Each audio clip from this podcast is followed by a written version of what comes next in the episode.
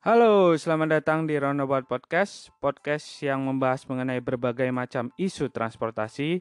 Masih bersama gua Insan Rido dan untuk episode kali ini kita akan ngebahas mengenai salah satu isu penting yang tengah marak dan dibicarakan beberapa waktu lalu dan juga terutama di Asian Games ini yaitu isu mengenai trotoar. So check it out.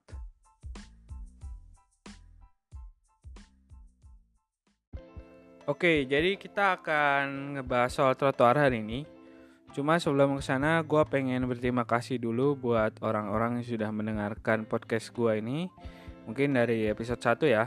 Thank you banget sudah meluangkan waktunya dan juga pikirannya ya untuk sekedar mendengarkan uh, podcast gue ini yang masih awal-awal ya gitu. Dan gue berharap banget ada masukan dan juga kritik-kritik yang membangun buat podcast ini semoga ke depannya bisa ngasih manfaat terus ya dan gue berharap bisa reguler bikin ini.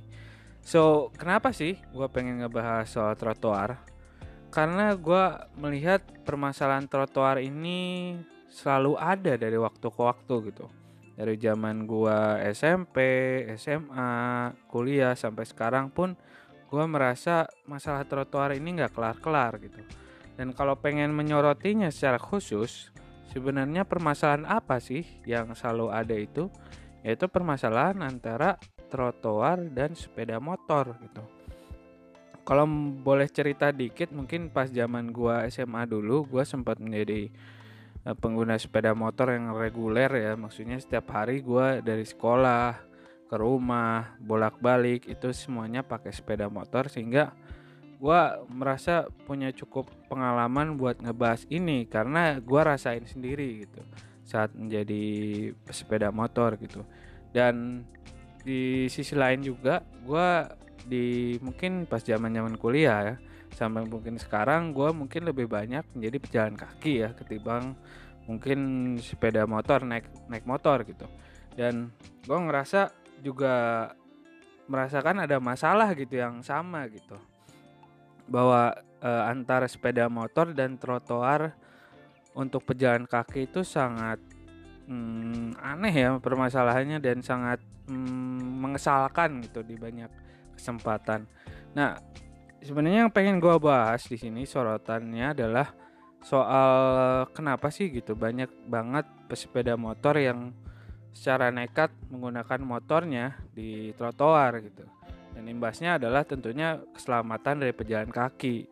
Dan secara psikologis juga pejalan kaki sering banget ngerasa bahwa dirinya adalah warga negara kelas kedua karena dengan mudahnya bisa diambil alih gitu haknya untuk apa ya sekedar berjalan kaki dengan adanya sepeda motor ini gitu. Kalau mau ngasih konteks sebenarnya kenapa sih permasalahan sepeda motor dan trotoar ini ada? Gampangnya karena sepeda motor ini emang kelewat banyak di Indonesia gitu. Kalau gua uh, tilik sendiri dari beberapa data yang ada, itu gue sempat menghimpun data dari salah satu badan riset yang ada di internasional. Itu memang uh, total dari semua moda transportasi yang warga Indonesia pakai itu 67 persennya didominasi oleh sepeda motor. Lu bayangin 67% dari mode transportasi yang kita gunakan setiap harinya itu didominasi oleh sepeda motor gitu. Jadi ya eh, apa ya secara gampangnya sepeda motor ini bakal banyak menimbulkan masalah gitu karena ya memang dominan juga jadi ya emang pasti bagian dari masalah transportasi itu gitu. Di sisi lain emang kalau dilihat dari secara statistik yang lain Eh, di 2014 itu sepeda motor mencapai jumlah sampai sekitar 92 juta sepeda motor ada di Indonesia. Lo bayangin itu di tahun 2014, pasti sekarang 2018 pasti nambah juga kan gitu. Dan kalau dibandingkan dengan jumlah penduduk yang ada, gampangnya 92 juta itu dibanding dengan jumlah total penduduk kita sekitar 250 ya mungkin sekitar 0,35 ya. Atau secara sederhananya sih gini artinya di setiap tiga orang penduduk Indonesia itu pasti ada satu sepeda motor yang ada dan ini merupakan sebuah apa ya bisa jadi potensi sih sebenarnya untuk mengembangkan bisnis segala macam dan gue lihat juga sebenarnya banyak sekali uh, keuntungan yang bisa diraup gitu dengan adanya sepeda motor. Salah satunya adalah kan ojek online gitu. Cuma di sisi lain juga menimbulkan banyak masalah. Dan salah satunya ya ini masalah trotoar dan sepeda motor ini gitu. Nah yang gue sebenarnya cukup soroti adalah eh, memang dari segi perilaku bersepeda motor di Indonesia juga kurang bagus ya, kurang kurang peka lah sama keadaan dan sering kali menggampangkan uh, pejalan kaki gitu. Uh, ibaratnya gini, uh, pejalan kaki itu menjadi sosok yang apa ya sering kali diprioritaskan di bawah gitu.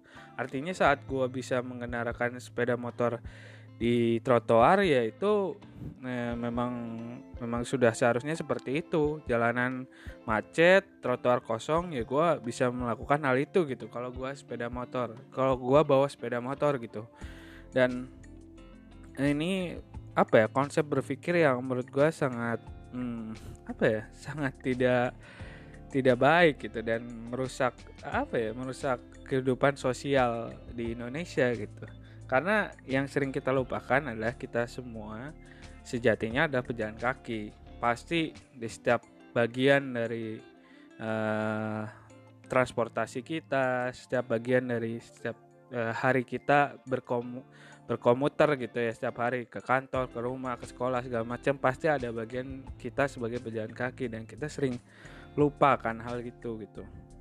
Dan memang gue akui gitu ada suatu waktu di mana gue ngerasa bahwa uh, saat gue menjadi sepeda uh, pesepeda motor ya gue ngerasa bahwa uh, emang enak sih sebenarnya kalau misalnya lu macet uh, kejebak macet di suatu jalan yang stuck banget nggak bisa ke mana-mana dan lu melihat ada trotoar yang kosong dan bisa dilewati dengan mudah gitu. Itu sangat menggoda lu banget gitu untuk melakukan uh, terobosan gitu ke trotoar itu cuma ya makin ke sini gue sadar bahwa ada pejalan kaki baik itu eh, memang saat itu lagi nggak ada atau bahkan ada lagi ada saat itu gitu yang bakal merasakan bahwa haknya itu diambil alih gitu oleh pesepeda motor.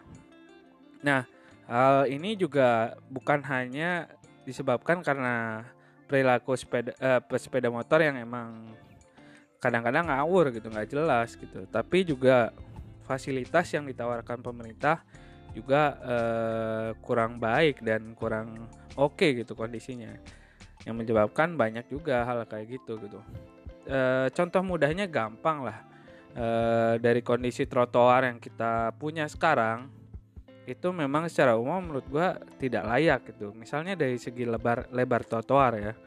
Lebar trotoar ini gue lihat nggak semuanya pun mengacu pada standar yang sama gitu. Ada yang cuma uh, setengah meter ada yang bahkan cuma paving block nggak jelas doang gitu. Padahal di standar yang dari pemerintah yang gua tahu mungkin dari Kementerian PU itu setidaknya lebar trotoar uh, itu panjangnya sorry lebarnya adalah satu setengah meter gitu. Sehingga banyak banget kan contoh-contoh trotoar yang nggak mencapai lebar segitu bahkan gitu bukan hanya dari segi ukurannya sorry eh, dari segi lebarnya tapi juga dari benda-benda yang ada di e, trotoar itu yang mengganggu jalannya si pejalan kaki pun banyak banget gitu. Batu kah atau selokan yang gak jelas gitu. Ini sangat mengganggu gitu. Dan mungkin di segmen selanjutnya gue akan ngebahas sebenarnya apa sih yang bisa dilakukan pemerintah untuk mengantisipasi Eh, kejadian-kejadian uh, pengguna sepeda motor yang bisa naik ke trotoar gitu. Dan juga gimana kita sebagai pejalan kaki bisa merasa aman dan nyaman gitu. Karena kita udah mendapatkan fasilitas yang layak gitu. So kita akan bahas di segmen selanjutnya. Jadi stay tune ya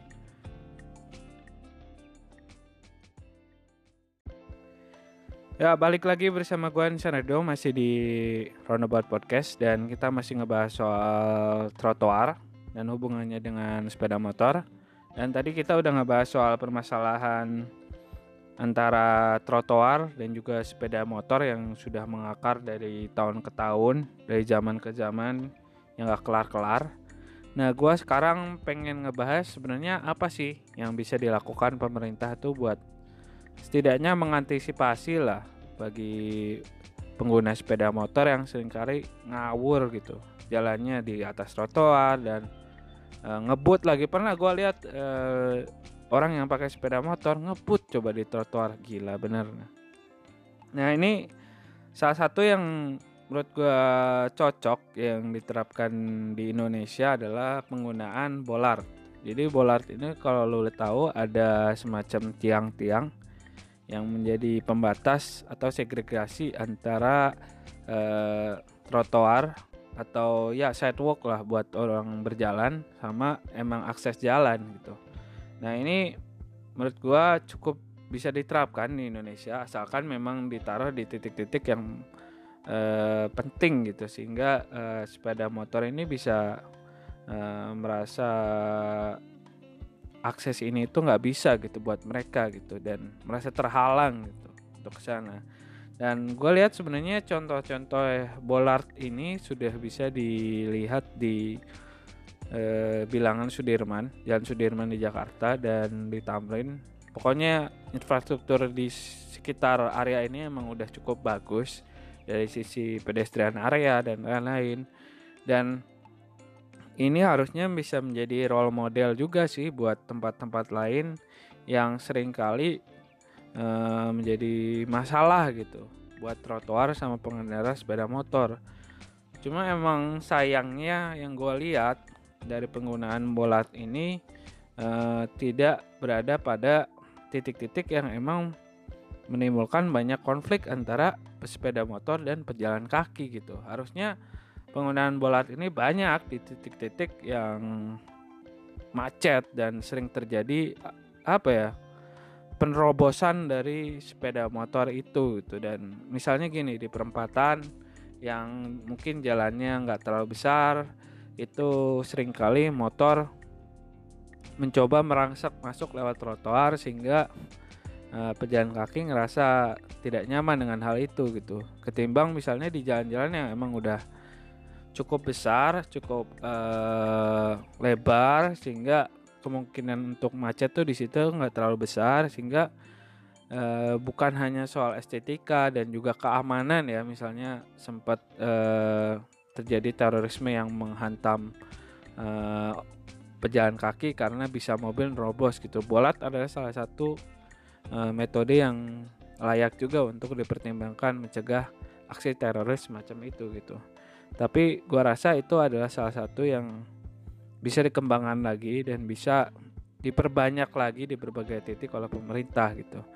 Nah, mungkin gua udah sampai di kesimpulan bahwa sebenarnya permasalahan trotoar dan sepeda motor ini sudah ada dari zaman dulu dan sebenarnya udah ada beberapa hmm, solusi yang ditawarkan pemerintah cuma lagi-lagi e, dari kondisi trotoarnya sendiri kurang bagus attitude-nya sepeda motor itu juga buruk sehingga memperparah e, kondisi ini dan sampai sekarang pun permasalahan ini selalu terjadi gitu jadi mungkin segitu dulu buat podcast kali ini Terima kasih yang udah dengerin dan gue sekali lagi eh, tunggu saran dan masukan dari lo semua.